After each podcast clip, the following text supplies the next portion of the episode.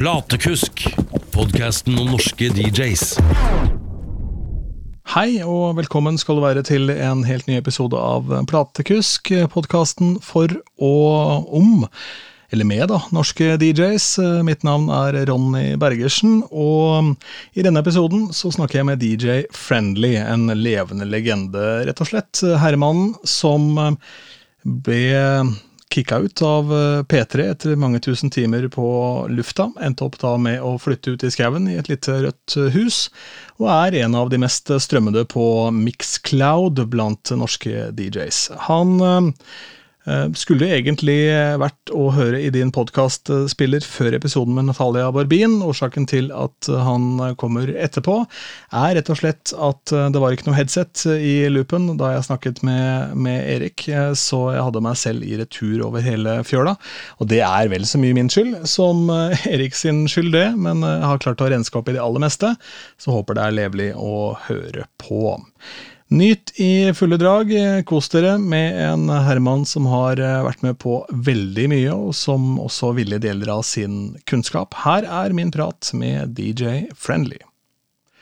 Erik Eriksson, velkommen til Platekusk DJ Friendly. Tusen takk. tusen takk. Jeg husker mitt første møte med deg. Det var eh, pur frustrasjon, for da sto jeg for aller første gang og var eh, en av de nominerte i årets DJ-kategorien under eh, radiodager, Pri Radio. Og så var det du som vant, og du var jo ikke radio-DJ, du var bare DJ. Ja. ja, ja. Men jeg vant allikevel. Men, men jeg var jo litt radio-DJ på den sendingen som jeg vant for, i hvert fall. Ja, ja, ja, ja, det var jo helt legitimt, men det var jo ung og dum. Skjønte ikke, skjønte ikke eh, bedre. Men uh, ja, Vi kan jo kanskje bare ta det med en gang. da. Det ble jo furore da du ble tatt av lufta i NRK.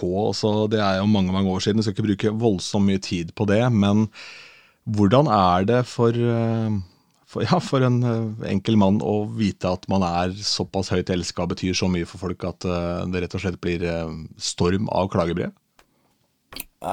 Det betyr jo alt. Og, og det var det kom, det kom, veldig overraskende både på meg og ikke minst på P3, tror jeg, eh, at, at det var så mye følelser der ute. Eh, forklaringen ligger nok i at jeg fikk lov til å holde på så uendelig lenge med disse friendly-sendingene på P3. I 18 år var jeg på, på lufta i hvert fall et par ganger i uka. Og veldig ofte til rare sendetider som, som folk ikke visste fantes engang. Sånn grytidlig på morgenen og sånn. Men i løpet av 18 år så er det veldig mange som hører på en eller annen av disse sendingene. En eller annen gang i løpet av de 18 åra så har du kjørt drosje, eller du har vært avløser på en gård, eller du har gått vakter på et sykehjem, eller et eller annet som gjør at du er oppe på de tidene. Og da fikk du et, et radioprogram som hørtes veldig annerledes ut enn alt annet som var på radio. Sånn at det var relativt lett for folk å huske det, selv, selv om ikke jeg var til stede med så mye med prating og sånn. Og jeg tror at det Altså, responsen sier noe om hvor fed up folk egentlig er av den radiolyden som etter hvert kommer ut, som er prikk lik uansett hva kanal du er på. At, mm. at, jeg tror folk uh, brukte dette her som en anledning til å fortelle at vi har lyst å bli vist litt rundt i et landskap som vi ikke kjenner. Mm. Ja, og så må jeg bare si da, sånn full disclosure, så er jo jeg nå da vikar i sommer i P1. Eh, så jeg jobber jo med NRK-systemet, men Ja, Da er dette eh, intervjuet slutt. Hva sa du? Ja, ja da er dette intervjuet slutt. Deilig! ja. Faen, var så kødd som folk sa, ja. Nei da. Nei, ja, men det er jo, jeg gjør jo noen nattradioen der, da, ikke sant? og der er det jo lyttetid opp mot to timer. Så da til odde tidspunkter så må man jo huske på at da er det jo det som Da blir man jo den vennen i natta, ikke sant? på en helt annen måte, fordi det er ikke noe annet tilbud. P4 spilte jo de samme norske sangene i samme rekkefølge stort sett hver natt fordi de skulle fylle opp en kvote. ikke sant? Og så Hvis ikke du likte nattønsket, så switcha du videre, så fant du noe rart på lokalradioen, kanskje. Og så fant du Friendly. Og så blei du ja, venn, da. Rett og slett. Ja, og, og, var, altså, og, selv om jeg spilte musikk som ikke blir spilt noe annet sted, verken på radio eller, eller andre steder, stort sett, så ble jo folk værende der likevel. Og, og øh, sånne målinger viste at disse friendly-sendingene på morgenen hadde over 30 eh, andel av radiolyttingen. Vil si at av alle som lytta på radio da, så var det over 30% som hørte på P3. Og, og, P3 var jo aldri oppe i sånne tall ellers på døgnet. Det er jo ikke så mange som hører på radio da, men, men eh, det var i hvert fall veldig, veldig motiverende tall for meg. Ja, veldig kult. Altså, det ble jo da totalt over 3000 eh, sendinger. Starta i 97 dette her, og ble 18 år. Eh, og så var det på huet og ræva ut, og du eh, gikk jo ikke stille i dørene. Du jo, sa akkurat hva du mente. Det kom jo, det kom jo som julekvelden på kjerringa på deg også, dette da. Ja, de gjorde jo det, fordi at eh, jeg trodde at jeg hadde en dialog med, med sjefen min i P3 om, om, om, veien videre den dagen jeg ikke skulle være på P3. For, for, jeg visste jo lenge at jeg ikke skulle være på P3 i evig tid, for det var jo en ungdomskanal, og jeg begynte jo å bli en gammel mann. Uh, men, vi hadde jo liksom planer for, for, for hvordan vi skulle få utnytta disse rare kunnskapene mine etter det. Og, men plutselig så var det ikke noen sånne planer, og NRK var, Det var jo liksom en utvikling hvor NRK gikk mer og mer vekk fra de spesialiserte, uformaterte programmene. Uh, sånn at det var en helt uh, naturlig konsekvens av den utviklingen som NRK da hadde valgt å gå inn på. Men, men, det var ingen som hadde fortalt noe om det videre til meg eller til mine lyttere. Sånn at det, det Ja. Og, og, og, så, og, så, ble det, ja, det, det Begrunnelsene fra, fra P3 endra seg liksom litt etter hvert som uh, reaksjonene kom fra folk. og og, og, og, det var ikke alt som ble sagt som var like sant og ærlig, så da fant jeg ut at jeg gidder ikke å, å bare sitte stille i båten. Uh, ikke fordi at jeg skulle klage på, på egne vegne, men fordi at jeg syns at det er jævlig trist at NRK har blitt det som NRK har blitt på radio, i forhold til hva det var for 20 år siden, 15 år siden. Mm. Ja, det er jeg helt enig med deg. Og bare for å ta, Det finnes en fantastisk artikkel som tar for seg den biten her på subjekt.no, skrevet av Dan Danbit Choi. Um, så um, det er jo en takknemlig oppgave å intervjue deg, for her finnes det jo masse materiale nettopp pga. denne konflikten her. da, Men uh, hva er det det står her? I 2016 mottok Kringkastingsrådet totalt 760 klager på alt som ble sendt på NRK TV og NRK Radio. Over halvparten av disse klagene var fra lyttere som var misfornøyd med at DJ Friendly ble tatt av lufta. ja.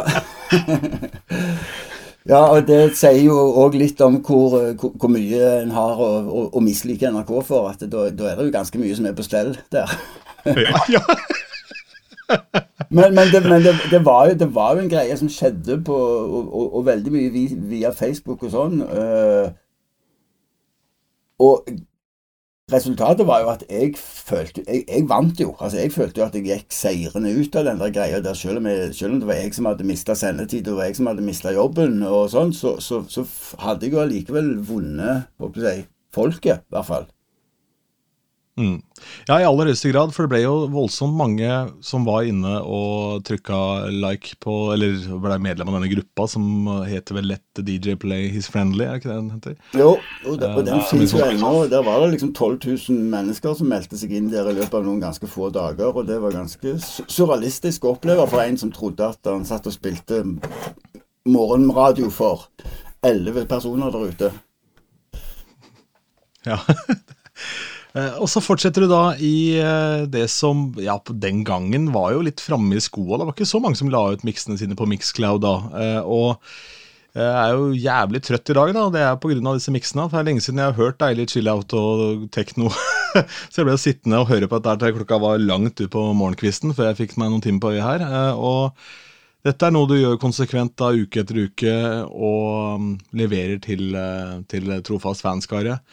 Hva er den store forskjellen av, av å gjøre det i mixcloud-setting og på radio? Er det noen forskjell?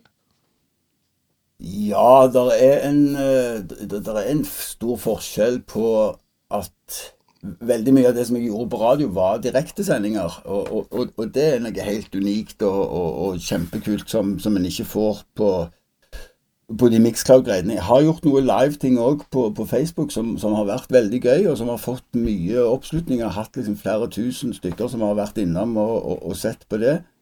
Uh, og så hjalp det jo òg på. Så kom, så kom, det jo heldigvis en pandemi òg, etter noen år, som gjorde at folk ble sittende hjemme og, og høre på musikk istedenfor å gå ut.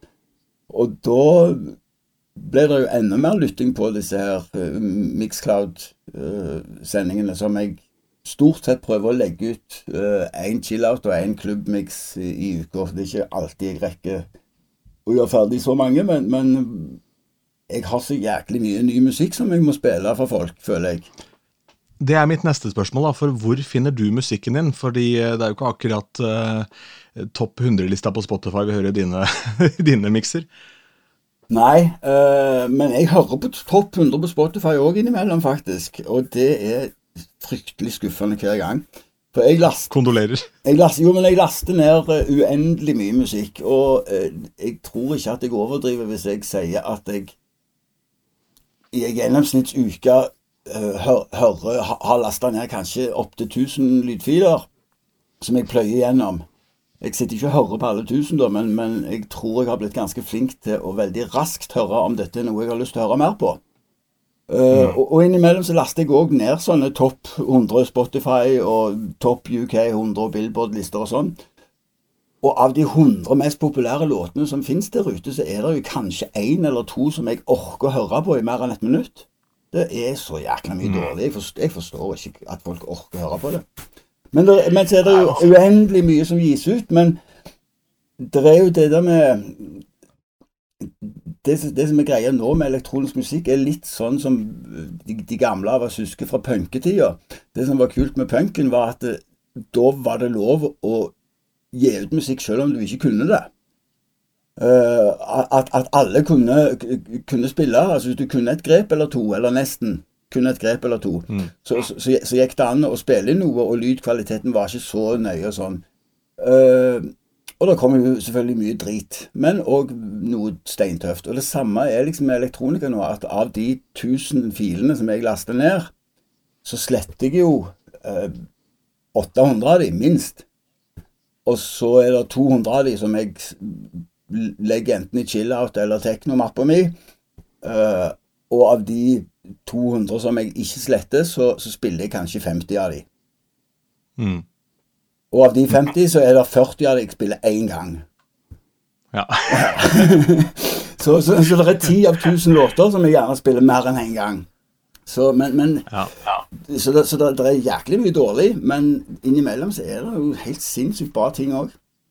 Jeg laster ned ifra på sånne sider som uh, samler utgivelser fra masse små labels uh, innen hele elektronikasjangeren. Uh, og som nok er sånn, no, Noen av de sidene er nok helt i grenseland i forhold til hva som er, er lovlig eller ei, men Grunnen til at det likevel fungerer, er at de små plateselskapene ser at det er stort sett DJs som er på disse sidene og laster ned. Og istedenfor at de sjøl skal måtte bruke masse ressurser på å sende rundt promoer og linker og sånt til, til, den enkelte DJ-en, så ser de at disse sidene faktisk gjør den jobben for dem. Uh, så, så, så, derfor fungerer det. Men, men de store plateselskapene de finner jo ikke noe særlig mye av på, på de sidene jeg laster ned fra. Nei, Jeg er også den oppfatning at uh, jeg har brukt millioner av kroner på musikk opp men jeg er en ivrig konsertgjenger også. Uh, så hvis jeg har et bryllup uh, hvor det, de ønsker seg på den lista er noe som ikke jeg har i basen min, så er ikke jeg fremmed for å høre om noen har det, og få det av en kompis. fordi skal jeg gå på iTunes og kjøpe en og en sang der, så tenker jeg det er ikke nødvendig. Jeg har masse fysisk dritt i hylla bak her også, så jeg har aldri jeg har tenkt det at eh, den jobben som DJs gjør også, den har jo ikke blitt anerkjent på mange, mange år for å da også rett og slett etablere hits. For nå er radio, toget godt for det, alt satses på streaming, men du må ha hørt sangen et sted. Den må jo på en måte ha blitt populær av en grunn. ikke sant? Eh, og da er det jo enten at en influenser har brukt den på TikTok, eller et eller annet, eller at den blir en sånn klubbhit som vokser sakte, men sikkert. da. Uh, og noen av de låtene på topp 100, sånn for min del, som tenker kommersielt, og som da ikke er i ditt univers eh, Jeg hører jo med en gang, jeg også. Da, her er det en hook. her er det liksom en, Den her kan, jeg bruke i framtida. Den her kommer til å bli noe. Selv om ikke det blir den største hiten, så veit jeg at for meg så er dette riktig låt. da. Um, og, um, men um, Du ender jo da opp med å flytte uh, ut på landet. Du blir bonde, rett og slett? Ja, i hvert fall, hvert fall deltidsbonde. Uh, jeg, jeg, tror jeg var sånn 16-17 år eller noe sånt når jeg fant ut at på et eller annet tidspunkt før, før jeg blir skikkelig gammel, så skal jeg flytte ut i et rødt hus i skogen. Uh, for, for, jeg har alltid likt meg veldig godt utendørs. Uh, og så skjedde ting veldig tilfeldig sånn med, med, dette her med, med, P3, som plutselig ikke hadde bruk for meg lenger. Og, og, og, og, et ekteskap som ikke fungerte, og et hus som skulle selges i Stavanger. Og, plutselig så dukka det opp et rødt hus i skogen i Vegårshei, langt i, i Indre Agder. Og jeg ante jo ikke at det var her jeg skulle flytte, og har ikke noe tilknytning til stedet heller. men det var så billig og det var så fint at jeg måtte bare kjøpe det. Og det har jeg jo ikke angra på. Så nå har jeg eh, 38 mål som jeg har som, som, hadde stått 50 år ubebodd når jeg flyttet her, så det var jo fullstendig gjengrodd alt. Men jeg har mm. gått berserk med motorsag i noen år, og har nå fått en, fin plass. Og har nå per, per, i dag har jeg 22 sauer som går her ute. Villsau som uh, blir, blir, flere og flere dag for dag nå, for nå er jeg midt i lamming. Så det er, jeg syns det er jævlig stas. Yes. Jeg tenker jo I ditt tilfelle så bygger det bare opp under legendestatusen din nå, da. Med at du er han derre fyren som bor i det lille røde huset og lager fete mikser på Mixcloud. ja, men det er bra, bra omgivelser, dette her, altså. Og, og, og, og så er det òg noe med at jeg har alltid likt kontrastene uh, mellom beinhardt og, og kjempehøy musikk og, og, en klubb hvor det nesten ikke går an å tenke fordi at det er så høyt. Og denne her uendelig vakre stillheten som, som, er ute i naturen, og som jo ikke er stille da, men som, ja, som er helt andre lyder. Mm. Og, og, jeg eh, Det skjedde et eller annet med meg en gang sånn på, på 90-tallet hvor jeg, eh, som alle andre drakk og, og, og var utagerende på, på, spillejobber og gikk på nachspiel etterpå. Og fant ut at eh, jeg havna jo på de samme nachspielene med de samme fem guttene tre-fire ganger i uka. Og, og, hørte på de samme dumme historiene. Og så gjorde jeg et opptak av en, av en gig jeg gjorde. Uh, god og full og i godt humør.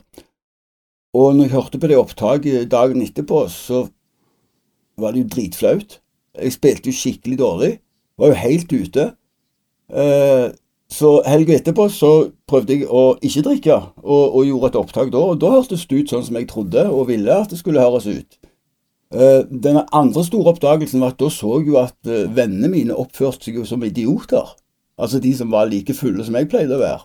Og jeg hadde jo ikke lyst til å være sånn. Så, så, så da slutta jeg bortimot å, å drikke. Nå, nå, drikker jeg bare når jeg må, for å si det sånn. Uh, og, det som, og, det, og, det som, skjedde da, var at når, når jeg var ferdig å spille i tre-fire-tida, istedenfor å dra ned til Roar og sitte med de fem guttene og høre på historiene fra ti år tilbake, så kunne jeg sette meg i bilen og kjøre til fjells og ta morgenfiske i soloppgang. Og det var jo så mye mer givende for meg at uh, jeg bare fortsatte med det. Mm.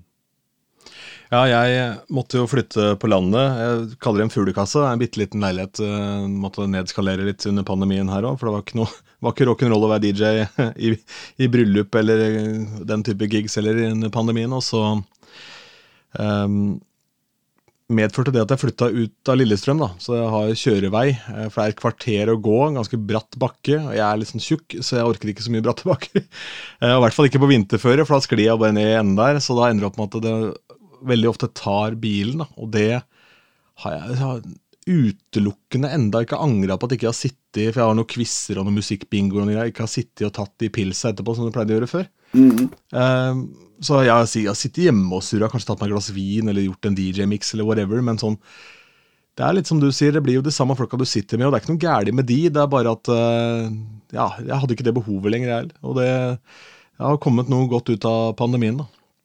Men du var inne på kontrasten her, og det syns jeg er fascinerende med deg. Eh, for du gjorde jo veldig mye chill-out og sånn eh, på, på, morgenen og tidlige tidspunkter, men når du spiller ute og klubbsettene, det er beinhardt. Det er four on the floor-bang, liksom. Rett i trynet. Så hvordan endte du opp med den polariseringen i det du holder på med? Den har egentlig vært der hele veien, men den har ikke vært så synlig fordi at det har ikke vært alt jeg har kunnet spille på, på radio, eller de stedene hvor jeg har, har spilt offentlig. Men uh, for, jeg, for jeg, liker jo, jeg liker jo egentlig bare god musikk. Uh, og, og, jeg er fryktelig dårlig på sjanger. Jeg aner ikke hva, hva sjanger musikk jeg spiller. Altså hvis, hvis, du setter på en låt og spør er dette deep house, er det tech house, eller er det neo house, eller prog, eller hva det er for noe. Jeg aner antagelig ikke. For det har aldri vært viktig for meg. Altså, fordi jeg kaller det det som jeg vil, og i mitt hode så høres det sånn ut, og da er det min definisjon.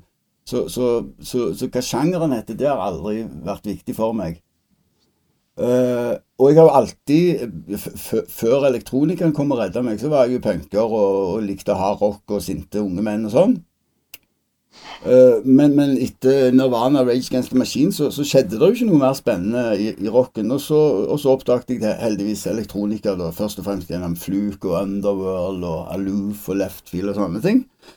Uh, men det var jo allerede minst to kjempeflinke DJ-er på P3 som, som, spilte den type musikk, eh, med, med Strange Fruit og Abstract. Sånn at når jeg da ville prøve å få meg egen sendetid på, på P3, så, så, var liksom det markedet allerede dekka. Men det var jo ingen som spilte chill-out, som, som, jo allerede da på, på 90-tallet var liksom en greie. Så ideen jeg solgte inn da til, til daværende musikksjef Nils Heldal, den beste sjefen både faglig og sosialt i hele verden Legende. Ja. Mm. Uh, han, han, sa, han ga jo f.eks. den ultimate definisjonen på hva P3-musikken, eller hva musikken skulle være på en radiokanal. At P3 skulle spille litt av den musikken som du ville høre, skulle spille bitte litt av den musikken som du ikke ville høre, og veldig mye av den musikken du ikke visste at du ville høre. Uh, og det som jeg solgte inn til han, det var en idé om at uh, på, på, midten av 90-tallet så, så festa han jo til morgens og vel så det.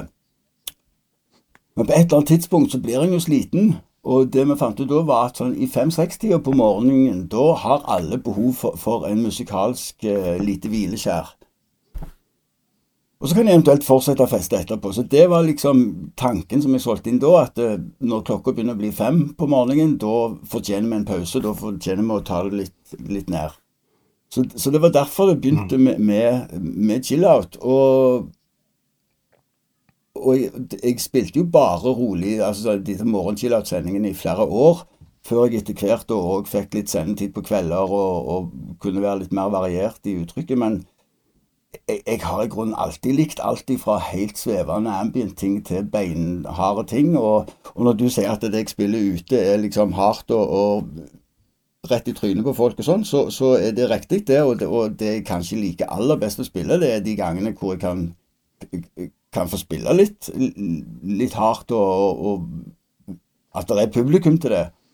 Men jeg gjør jo egentlig all slags jobber, enten det er bryllup eller firmaevents og sånn, og da er det jo ikke alltid at det fungerer like godt med fullstendig ukjente teknolåter fra Tyskland.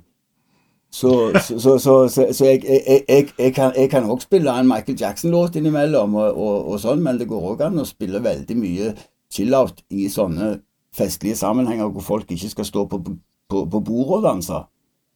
Mm. Mm. Det er eh, altså Dynamikken i en kveld det er så viktig det der også, hvordan For det å ha da sånn, de våpnene i arsenalet, at du kan åpne gulvet med en sånn superkommerslåt når du trenger den.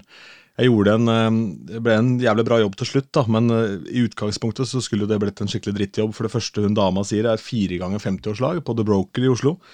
Um, og ja, kan vi gi de kudos òg, for det der var jo klassefolk rett og slett som drev det stedet. De behandla alle som var der, ordentlig godt. Og dørvakta, som var en dritkul uh, fyr med hatt, han sitter, sitter, i baren og tar en nightcap når kvelden er over. tenker jeg Da er det et bra sted når dørvakta tar seg en dram liksom, og bare slapper av. og sånn. Da er det en gjeng. Men det er fire ganger 50-årslag. Det første hun dama sier til meg da, på, i første konsultasjonen her, er hvis du spiller noe ABBA, så er det rett ut. Da tenker jeg jøss, ja, er det det nå? Eh, for med Mamma Mia-musikalen så er jo ABBA det hotteste navnet fra liksom, retrotida uten tvil i Oslo. ikke sant? Og på Østlandet generelt. Eh, få request på flere låter enn ja, enn visste de hadde i katalogen sin omtrent. Um, men det er nå greit nok. men Og så sender de over da en litt sånn obskur uh, ja, det var en del sånn indie-ting der. Samme faen. Men det, i hvert fall, det var Bruno Mars, bare litt mer indie-land da, de ville ha. ikke sant? Men det var jo ikke takt i det hele tatt med vennene deres. Så disse fire jentene som fylte 50 år, de var jo hippe og kule, men alle vennene er jo bare vanlige folk. Herr og fru Norge, ikke sant. Eh, og så var de kjempestressa av at ikke festen skulle smelle med en gang. da, ikke sant? Men så er jo ikke de de Rommet er ikke klart. eh, så da måtte jeg faktisk da heve stemmen litt og si at nå må dere slappe av. For det her kommer når det kommer, og det kommer til å bli kjempetrøkk. liksom. Og det ble det. Så det er jo og da var det jo en eller annen superkommers låt som breaka det gulvet, selvfølgelig. For jeg sto og spilte noe, noe house-greier litt tidligere, noen lounge-opplegg, men så var det jo en eller annen sånn Ja, det, jo, det var den der Dua Lipa og Elton John, den remixen som er ute nå. Uh, Cold Heart. Det var jo sånn gigagreie som hadde streama 100 millioner ganger, da, som selvfølgelig brakk opp det gulvet. Det var jo ikke noe indie-kommers-greier. Det måtte være kommers. Ja, nei, men det er noe med også, også no, Noe av det som jeg eh, liker med å bli gammel og erfaren i, i, i dette her ja, fa, La oss kalle det faget, i mangel på et annet ord. Uh, Om det er det? Er, er jo, er jo den, den, tryggheten som jeg føler på at jeg jo på en måte vet litt om hva jeg holder på med, selv om jeg ikke kjenner de som er på festen. Uh, så er det noe med å stå på en måte la arrangørene få inntrykk av at du gjør sånn som de sier, og egentlig bare være enig med dem. Men, men så egentlig bare ta litt styringa sjøl, og så spille det som en vet er riktig. Uh, og så ser de jo at kvelden utvikler seg, og at det, der, at det blir fest til slutt. Men, men noen ganger så er det jo faktisk ikke meninga at musikken og DJ-en skal ha den fulle oppmerksomheten heller. Uh, og da tenker jeg spesielt på sånn type bryllup eller 50-årslag eller fester, privatfester hvor det er gjerne flere generasjoner og sånn. Uh, et av de stiligste komplimentene jeg har fått, tror jeg må være en gang jeg spilte på et bryllup hvor, hvor, det var liksom bestemor på 82 og, og, og, og lille Jeanette på 4 og, alt innimellom. Og når, når Bestemor ble geleida ut forbi meg, da, som sto ved inngangen eh, et, etter middagen. og Klokka var ti på kvelden, og jeg hadde spilt i fire-fem timer. Så kom hun forbi der og sa 'Å, er det musikk òg her?' Og da hadde jeg spilt, da spilt non-stop i fire-fem timer, men ikke én en eneste gang hadde jeg spilt noe som irriterte henne, sånn at hun la merke til det. Og det tar jeg som et kompliment. Mm. For samtidig så var det jo flere av de andre som kom bort og, og, og ga uttrykk for at de likte det jeg spilte.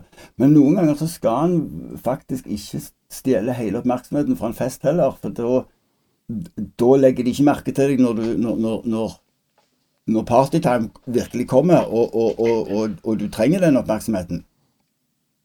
Dette er jo også en glidende overgang til hvorfor du skal bruke mye penger på et ordentlig bra lydanlegg.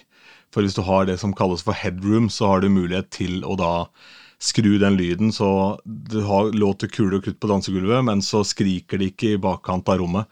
Og Da kan folk sitte og kose seg og, og prate sammen, og sånn, selv om du har liksom en fest gående på dansegulvet. da, Så her er det masse å plukke opp. Men hvem skulle tro at man satt her og fikk bryllupstips av DJ Friendly, du?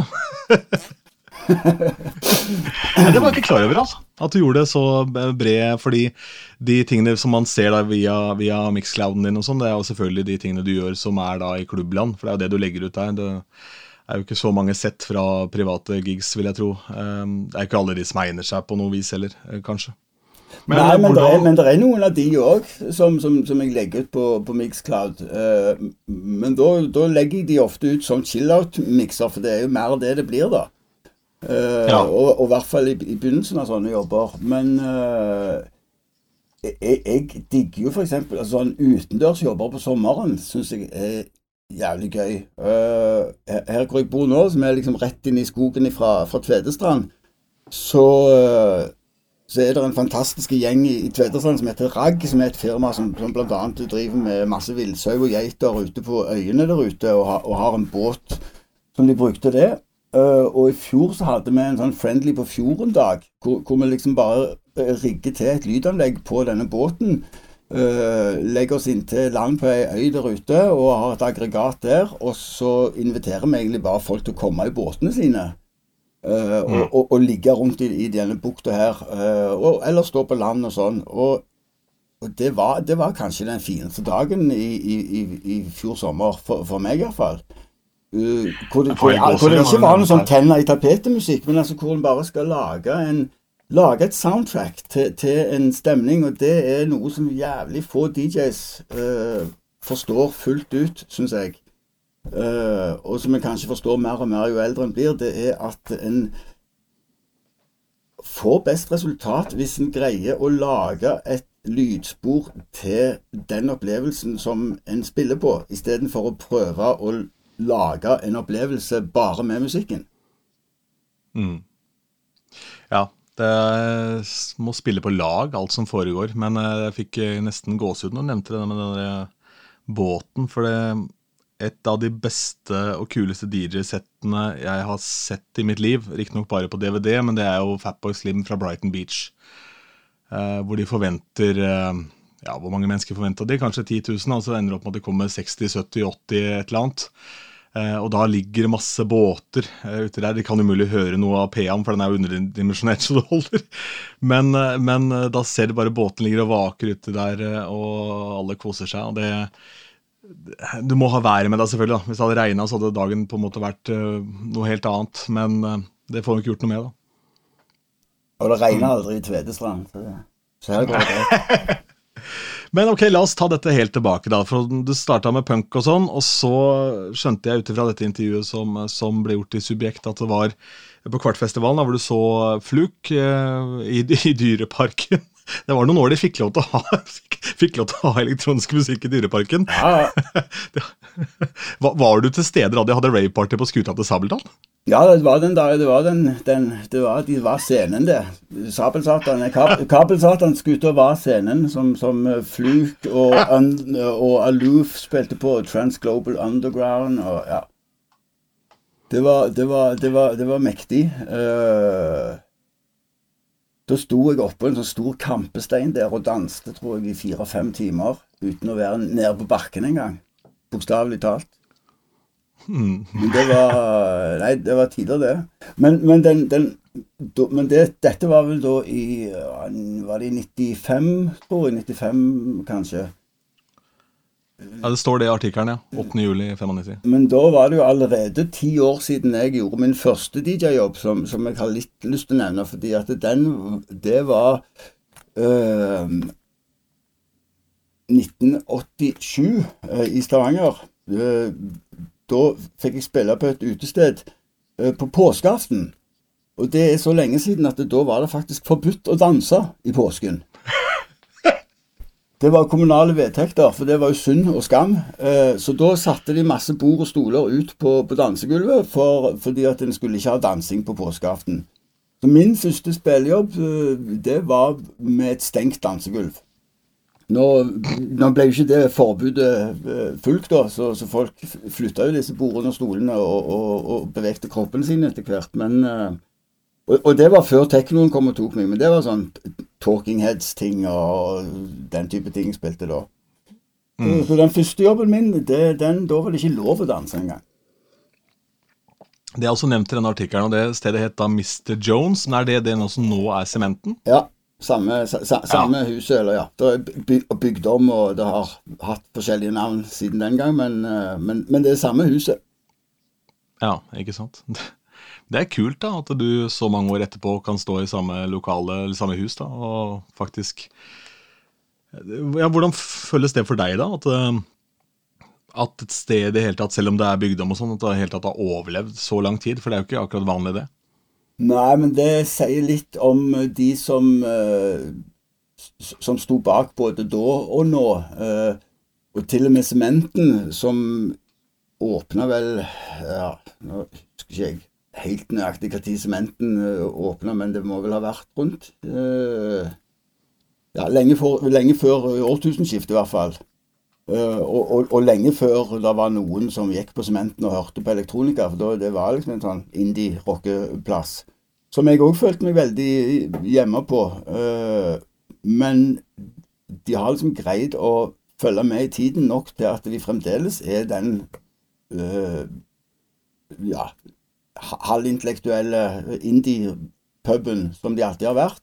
Men så har de et genialt bakrom som de åpner opp i helgene, og, og, og som er en boks med, med, med, med bra PA og, og dansegulv. Uh, og greier da liksom å trekke til seg et, et helt nytt publikum. Jeg, jeg, jeg syns det er Jeg spiller eh, midt, midterste lørdagen i hver måned på, Sementen i Stavanger, og det er den beste kvelden hver eneste måned, rett og slett. Det er så fantastisk bra gjeng å spille for. Altså, det er virkelig sånn at jeg kan spille akkurat hva jeg vil. Og det er jo en luksus som jeg har blitt veldig vant med. Eh, skikkelig bortskjemt eh, i forhold til, til, til de fleste DJ-er. For, for uh, det hjelper jo hvis en som DJ liker kommersiell musikk òg. Da er det jo lettere å spille det. Men men jeg har jo aldri blitt fortalt hva jeg skal spille. Jeg har alltid fått lov til å velge hva jeg skal spille, og det gjelder på P3 òg. Og, og, det er jo litt, litt, av grunnen til at den, den avskjeden fra P3 kom litt overraskende på meg, var at det, da hadde jeg jo i 18 år uh, lagd sendinger flere ganger i uka og, og valgt musikken helt sjøl. Og ikke en eneste gang i løpet av de 18 åra var det noen av P3-sjefene som fortalte meg hva jeg kunne eller ikke kunne spille. Jeg fikk aldri et eneste hint om at jeg kanskje skulle spille mer sånn eller mindre sånn. Uh, jeg har alltid fått lov til å, å, å velge musikken sjøl. Og, og, og, det er jo en luksus som er ja, he, helt fantastisk og helt unik i DJ-sammenheng. I hvert fall hvis jeg skal spille på mer kommersielle steder og sånn, så kan vi bare glemme den mm. opplevelsen. Men det er jo noen klubber uh, altså, som er mer dedikerte techno house-klubber, som, som det er noen av i Oslo, og, og kanskje én i hver by ellers. Og, og, og Sementen er den plassen i, i Stavanger nå iallfall hvor, hvor folk faktisk kommer for å høre ny musikk. For det var jo derfor vi gikk ut hver torsdag, fredag, lørdag. Eh, når jeg begynte å høre på denne musikken, i hvert fall, så, så var jo det for å høre på ny musikk. Det var jo der jeg oppdaget ny musikk.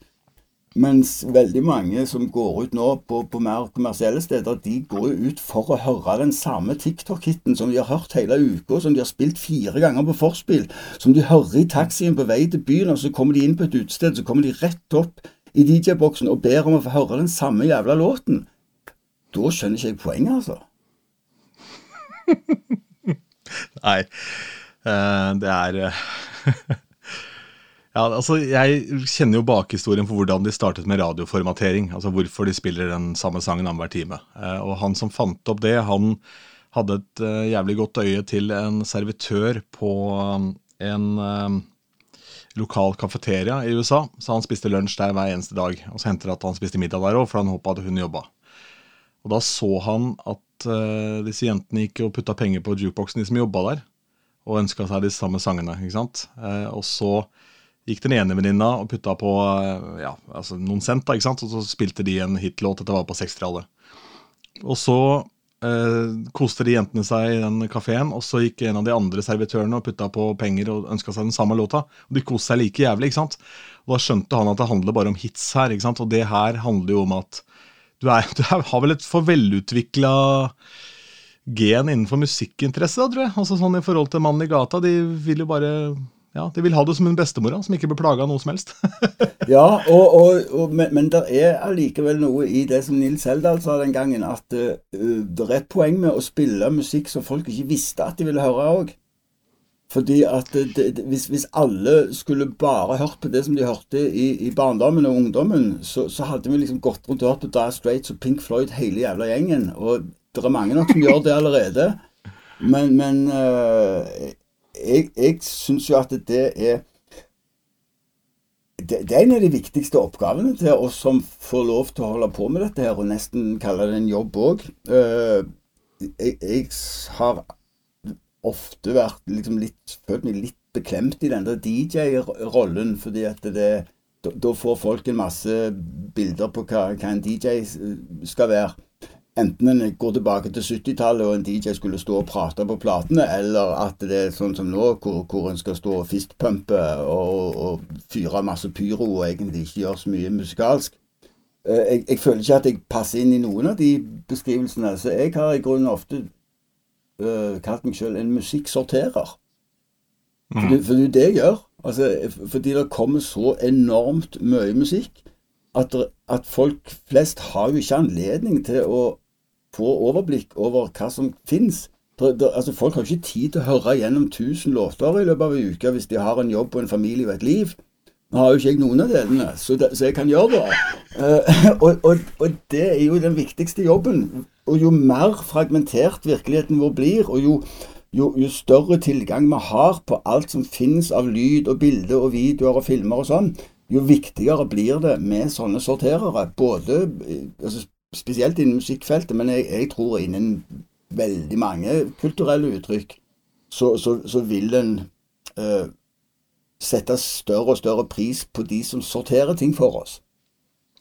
Jeg kan jo ta et eksempel fra, fra annen kultur, og det er TV-serier. Altså Hvis eh, Asbjørn Slettemark anbefaler en god krim, så ser jeg den.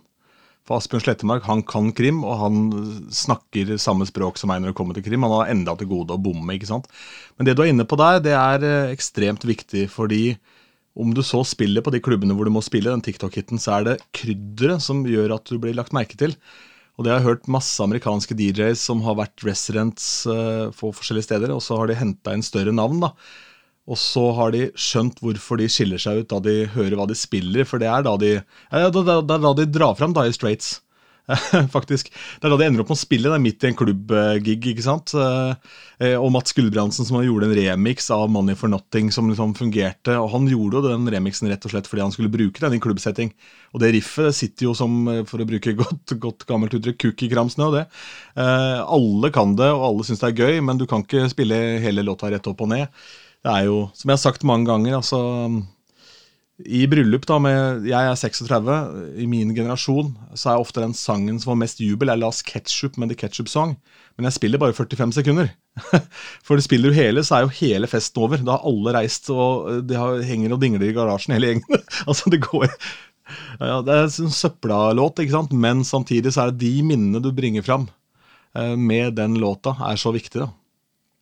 Ja, og så kan en heller bruke en sånn, en, så, sånne låter til å lure de ut på, på, på gulvet. Men eh, når en har fått de ut på gulvet, og i hvert fall fått jentene ut på gulvet, så, så, så er det mulig å eksperimentere litt mer. Men, men at en ikke skremmer folk vekk. Men det er jo det som er, er så jævlig utfordrende og spennende og, og gøy å få til. Det er de gangene hvor du hvor du får eh, folk opp i DJ-boksen tidlig på kvelden som forteller at dette går ikke an å høre på, dette, det, du kan ikke bare spille sånn dunk-dunk-musikk og, og, sånn. Og så kommer de samme folka opp litt seinere på kvelden og har oppdaget en masse ny musikk som de ikke visste de, de likte. Uh, mm. det, det, er jo mye kjekkere det å, å, å overbevise eller å ja, å, å, å, frelse noen som i utgangspunktet ikke trodde at de likte det du spiller, enn å frelse en eller annen som, som elsker alt av elektronika, og som elsker det som du har gjort tidligere på sendinger eller show og sånn, uh, så er det jo mye kjekkere å få altså, på, på, Når jeg hadde sendinger på P3, så fikk jeg uh, og sånn, Før sosiale medier, altså mens meldinger ennå kom på, på brev og postkort og, og sånne ting, Eh, så var det veldig mange av lyttere i innspillene mine som enten begynte med at eh, jeg liker egentlig ikke elektronisk musikk, men ja. Eller jeg er egentlig altfor gammel til å høre på denne musikken, men Og så mm. har de hørt et eller annet som de liker. Og, og da har jeg gjort jobben min, tenker jeg. Føler du at du har eh, ja, Hvilket ord skal jeg bruke her? En sånn at du har, eh, altså du har, et ansvar i form av å belyse og vise fram denne musikken som ikke folk får med seg? Ja, og, og, ja. og, og i hvert fall når jeg var på, på P3 på NRK, så, så, så, var jo det, så var det faktisk en, en, en lovpålagt del av jobben. Og, en av de viktigste og mest verdifulle sidene ved allmennkringkastingen, som, som jo NRK er, så, så, skal jo nettopp poenget der være å, oppdra folk og, og, introdusere uh, nye uttrykk og, og, nye artister for folk. sånn der var det jo ekstremt mye kjekkere å finne en Uh, en, en, en, norsk 16-åring som, som, hadde lagt ut en låt på Urørt, eller sendt en, en CDR uh, til meg med, med, en låt som vedkommende hadde lagt helt sjøl, uh, og som var bra så var det mye, mye gøyere å spille det enn å spille den nye singelen fra Universal eller Sony, som uansett ville få en milliard timer med, med, med spilletid. Uh, mm. og, så, og, og, og, så, gjør det ekstra godt når, når han 16-åringen noen år seinere gir ut et kjempealbum på en kjempekredibel plateetikett og, og, ja, får et publikum og, får det til, liksom.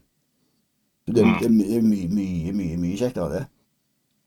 Ja, nei, det er jeg helt enig med deg. Utrolig gøy. Jeg ramla inn i ja, Ikke spør meg hvorfor jeg gadd, men jeg hadde vel jeg hadde vel litt ånden over meg, da, men jeg ramla inn i en diskusjon om hvorvidt man skulle bruke penger på et nytt sånt uh, online DJ-kurs som Pete Tong har dratt i gang. Uh, og så sier jeg at uh, hvis du skal lære å mikse house og sånn, så er jo det noe du kan lære sjøl.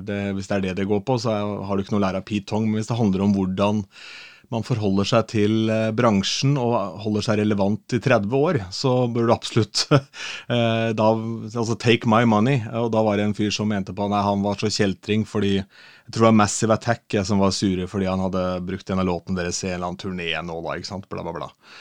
Men så tenker jeg eh, Tenk deg hvor mange som har fått det utstillingsvinduet gjennom at BBC Radio 1 da har skjønt det allmennkringkastingsoppdraget sitt. da.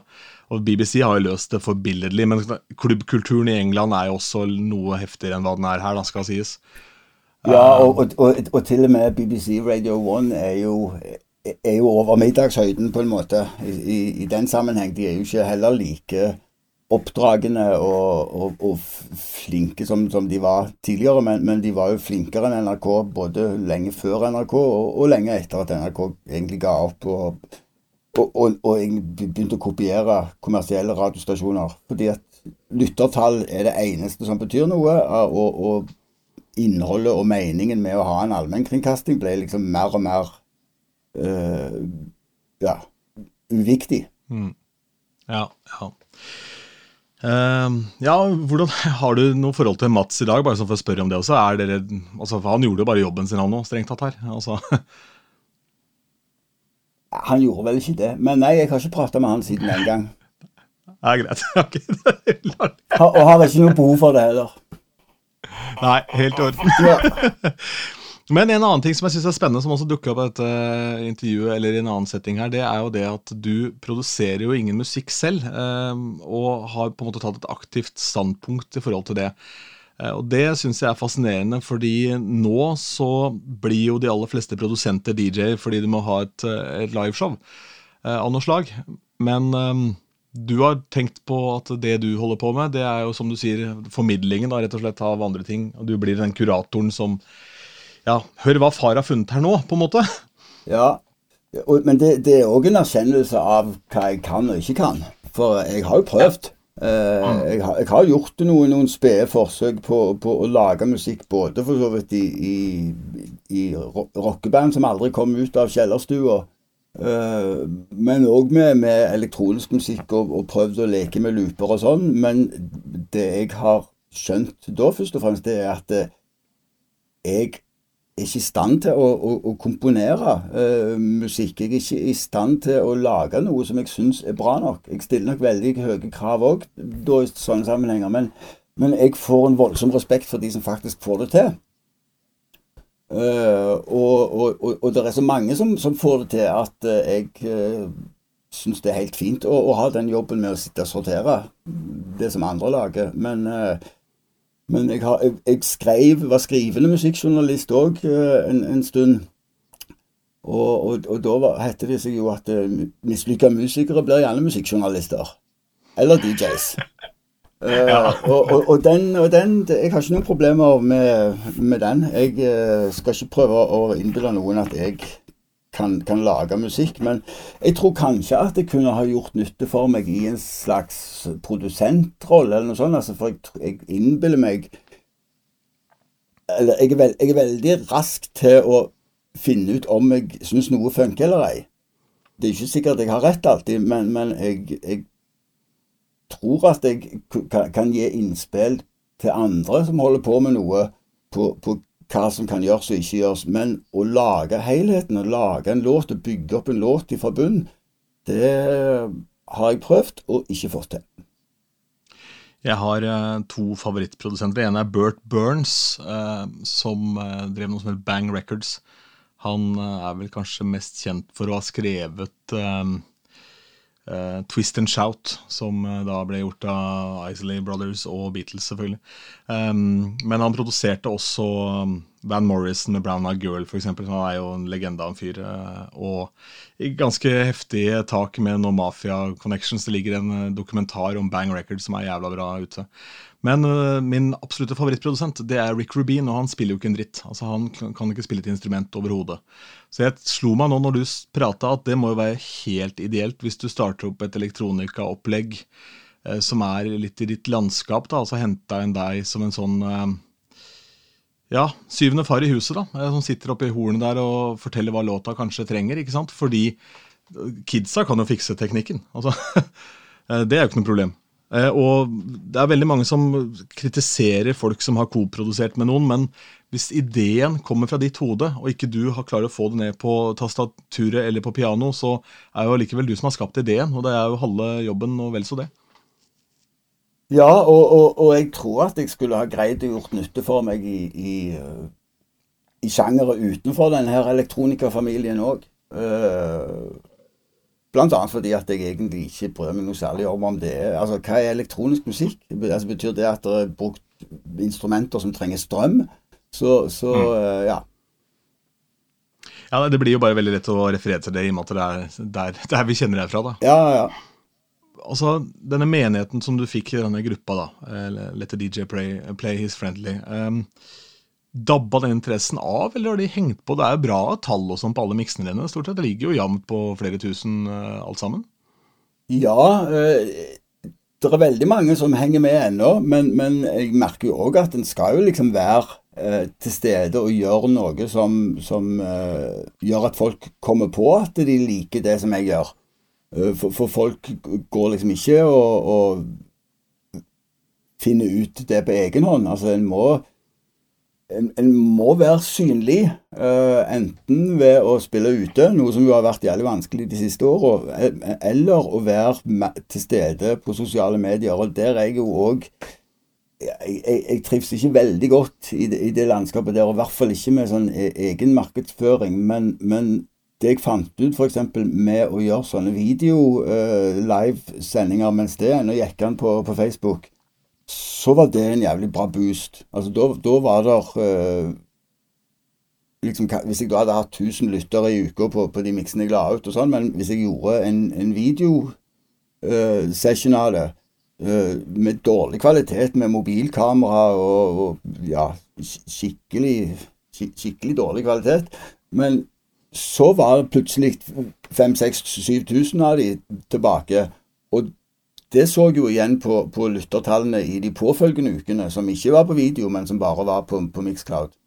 Sånn at en, må, en må, uh, må, gjøre et eller annet annet enn å bare legge ut de spillelistene. Selv om det er det jo det enkleste, liksom. Men det er en sånn altså folk, folk er rare. Jeg, jeg, jeg blir jo aldri helt klok på, på dette. her, Men sånn som disse Sementen-kveldene, for eksempel, så så, så, I begynnelsen så hadde jo det nyhetens interesse, og, og, det var helt ekstatisk hver gang og sånn. Og så er det jo fremdeles uh, småka fullt hver gang, og kø og, kø og sånn, men, men uh, den der nyhetsinteressen, og, og spesielt øh, interessen på sosiale medier, dabber jo av. fordi at de som går på disse kveldene, de kommer jo uansett. De trenger ikke gi beskjed til Facebook om at de skal gå hver gang. Uh, og, og, så lenge jeg ikke gjør noe annet enn å legge ut arrangementet som, som en link, så, så, skjer det jo ikke noe. Men så var det en gang jeg uh, satt før jeg skulle spille, og så med meg og en kompis der, og så begynte jeg å kødde med, med sceneantrekk. Sånn, for det har jeg aldri gjort spesielt mye ut av. Men så, så, gjorde jeg en greie. Ja, men nå må jeg velge sceneantrekk for i kveld. Og så hadde jeg da ei T-skjorte Uh, med tegneseriegreier på, og så, og så hadde jeg ei, gullskjorte utenom. Så tenkte jeg faen, hva skal jeg ha disse? Nei, jeg greide ikke mye bestemme. Så bare tok jeg et bilde av meg og de to uh, skjortene.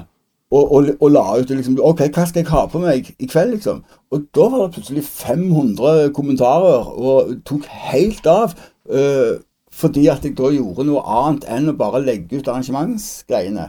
Sånn at folk er Jeg har ikke helt greid å knekke koden, men men grunnen til at det slår så hardt hos deg, er vel fordi det er så, det er, bryter normen? da, ikke sant? Fordi de er vant til at uh, her får vi arrangementet, vi får jævlig bra musikk, kjempekveld. Men plutselig så får vi, får vi, et innblikk i Eriks liv, da. Hva i helvete skal jeg ha på meg? ja, ja, ja. ja nei, så det, det, kan svare seg å hore seg litt til innimellom. Ja, ja, ja. Det er gøy. Eh, vi drar oss etter hvert mot uh, slutten her. Eh, jeg er på vei til å lage en sånn rapid fire-runde. og Jeg har ikke kommet spesielt langt på den enda. Uh, men før vi ender opp med de to spørsmålene jeg har skrevet til den rapid fire-varianten der, um, så jeg også har lyst til å si, ehm, snakke litt om Twitch. Eh, for du har ikke hevet deg på den bølgen og streama DJ-sett der? Nei, jo, jeg har gjort det et par ganger. Eh, men, men, det var liksom rett før de i hvert fall offisielt sa at nei, nå skulle de ikke strømme musikk mer og skulle slå ned på alt og kaste ut alle DJ-kontoer og sånn.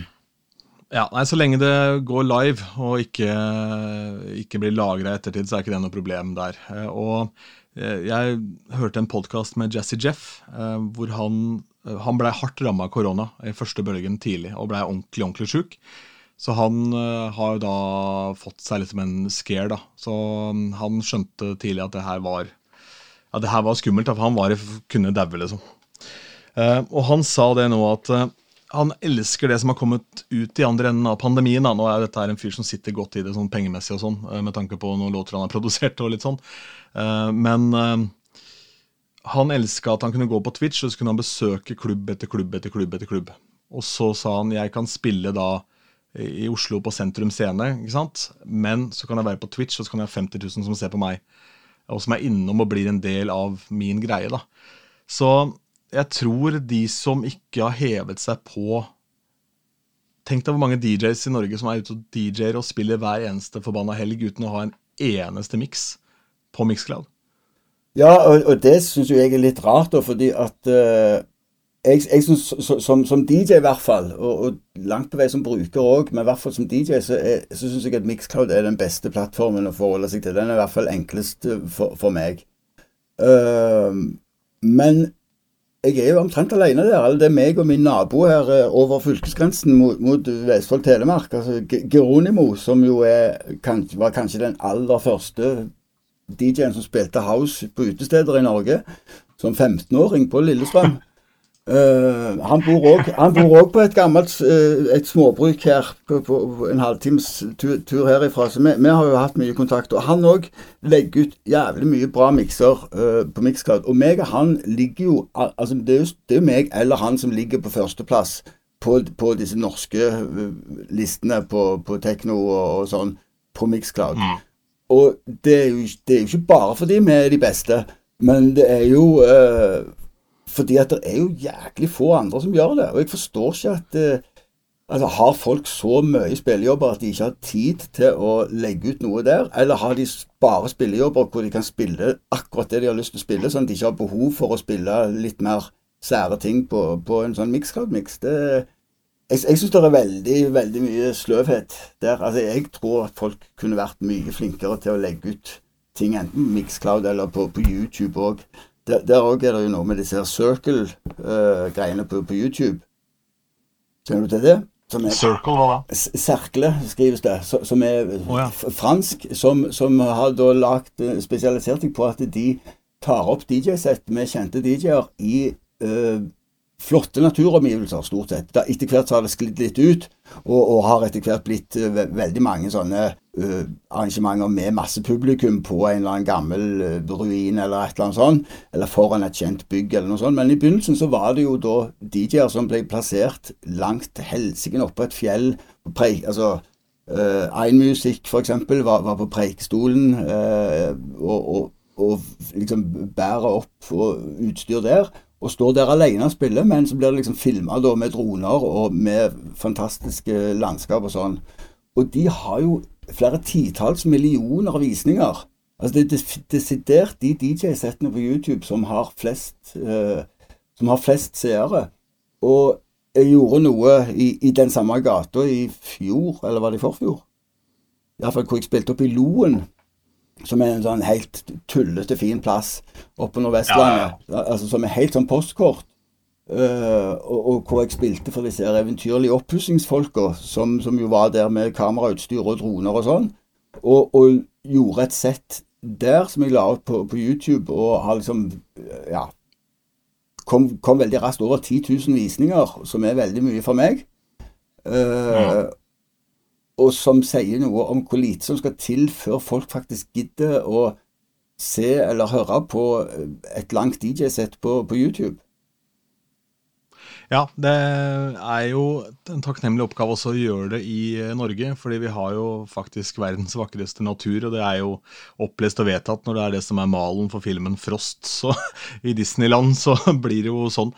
Um, det der er, det, Du må sende meg en link bare til, eh, så jeg får lagt det i eh, beskrivelsen under eh, poden her. Så de får med seg den kontoen din som eventuelt ikke har sett den. For jeg har sett noe av det, men jeg visste ikke hva det, hva det het.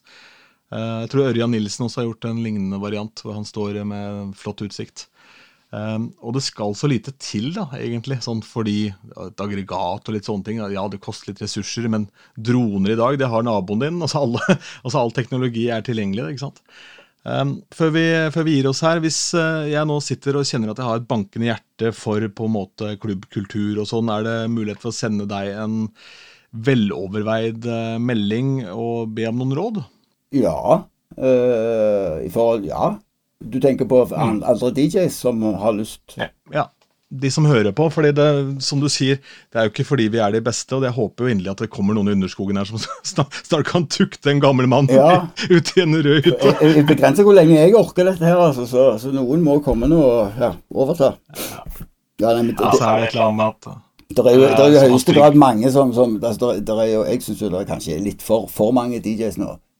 Og, og, kanskje litt for mange DJs som får spilletid òg. Uh, eh, jeg, jeg, jeg, skjønner jo ikke meninga med å ha en sånn Eh, så, så, så det, var, det, var, en han, han GJ, var det det som skulle komme til Oslo nå? Og, og spille på natt til 17. mai, eller noe sånt. Uh, og der tror jeg at jeg talte 15 eller 16 oppvarmings-DJ-er.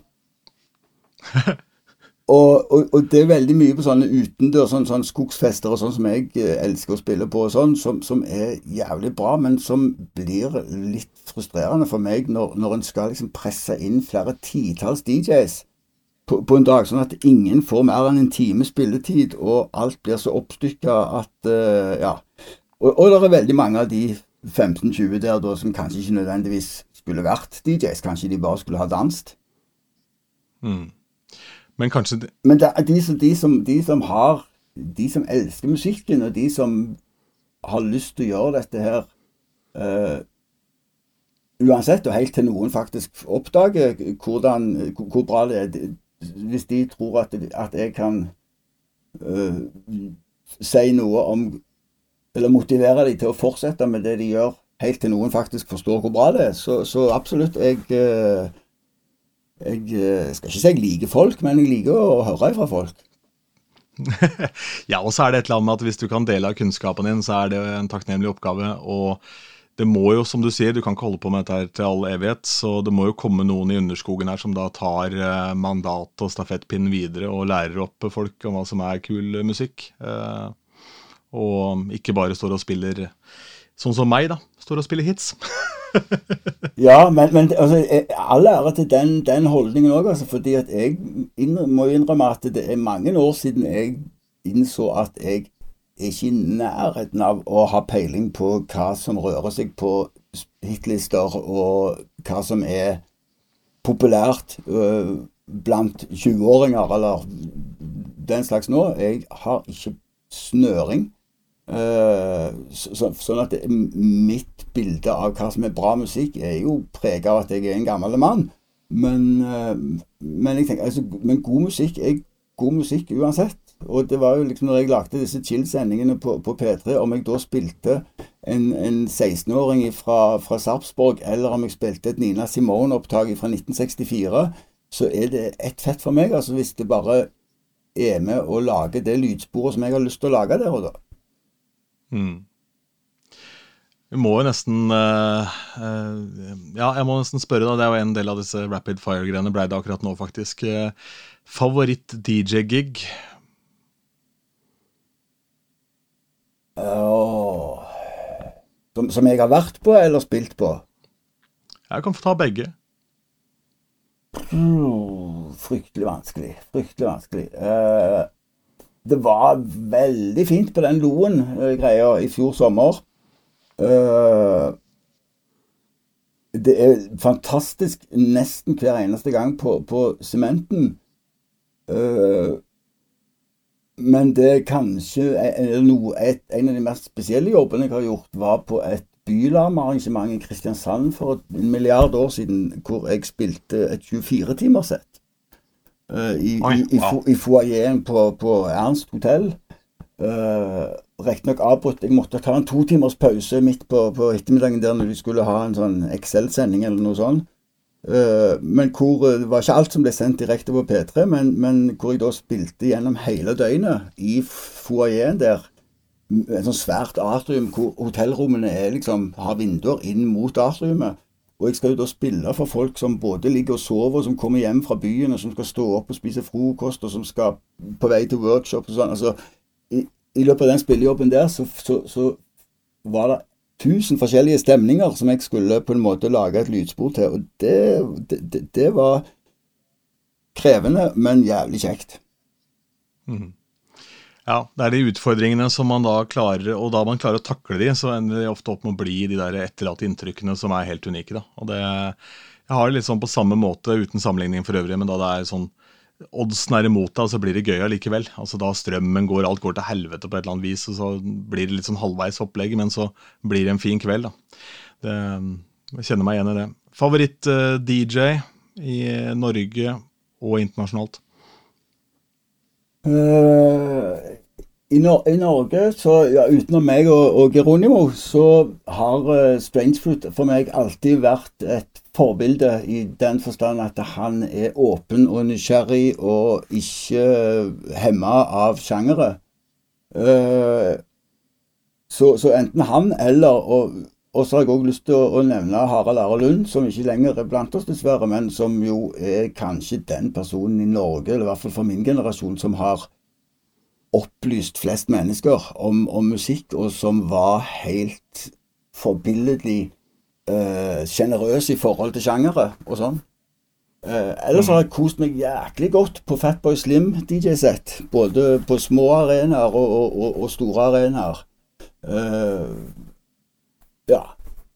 Så, så, så kan, kan, kanskje altså, som, som, DJ så tror jeg kanskje Fatboy Slim er den som Kanskje ikke nå lenger, men, men jo til og med under, under, pandemien. Det greiene som han gjorde hjemme da, sammen med dattera, uh, mm. syns jeg er jævlig gøy. Ja, og så er det dritkult at han, han har jo åpenbart en kjempeelsk til Brighton, hjembyen sin, og reiser rundt i, i Pink Panther-kostyme og legger eh, skive på døra signert til de som har kjøpt en plate hans, hvor, sånn, hvor han kikker tilbake på ting og sånn. Eh, så ja, nei, jeg syns også han fortjener kred, altså. Veldig bra. Ja, og, og hans musikalske for, fortid òg vitner jo om at han øh, Han har evne til å bevege seg i forskjellige musikalske landskap. Uh, ja, med Freak Power og hele den pakka der. Også. Ja, og ikke minst House Martins, som, som jo var helt ja. fantastisk lekkert orkester. Pizza Man og har så mye aliaser òg. Ok, og siste her, da. Den er jo bare en sånn uh, kuriosa på, på slutten. Uh, det er favorittbit i Twist-posen. Uh, Lakris. Ja, ja, ja. DJ Chris, Chris fra, fra, Skien og jeg har hatt en battle gående på, på Snap hele uka. For i NRK, i redaksjonen der jeg sitter, P1 pluss hos gamlingene, der ligger det en to banan, men der hvor han jobber, på, på Eh, i kommunen et eller annet i Skien, så ligger det en lakris. da. Så... Ja, ja. ja, for bananer ville vært på en soleklar annenplass hos meg. Ja, det er interessant, men det Før jeg slipper deg ut her, eh, jeg har brukt opp mer enn nok av tida di, og langt mer enn hva du lovte meg, men av kommersielle låter opp igjennom sånn eh, innenfor liksom det elektroniske, hva er det som er kult der? Har du noen sånn fra toppen av huet som du syns liksom, som ble gigahits, men som allikevel holder vann, da? Ja. One More Time, Daft Punk og Romanthony. Det, jeg ser, ja. jeg, jeg, jeg, håret reiser seg på, i halsen, eller hva det heter, og tårene kryper nedover ryggen. Ja. Ba, bare jeg nevner den låten. Det er helt Det er faen meg så magisk at det uh. det, det, Den kommer aldri til å bli umoderne. One more time. Du har hørt Platekusk, podkasten om norske DJs.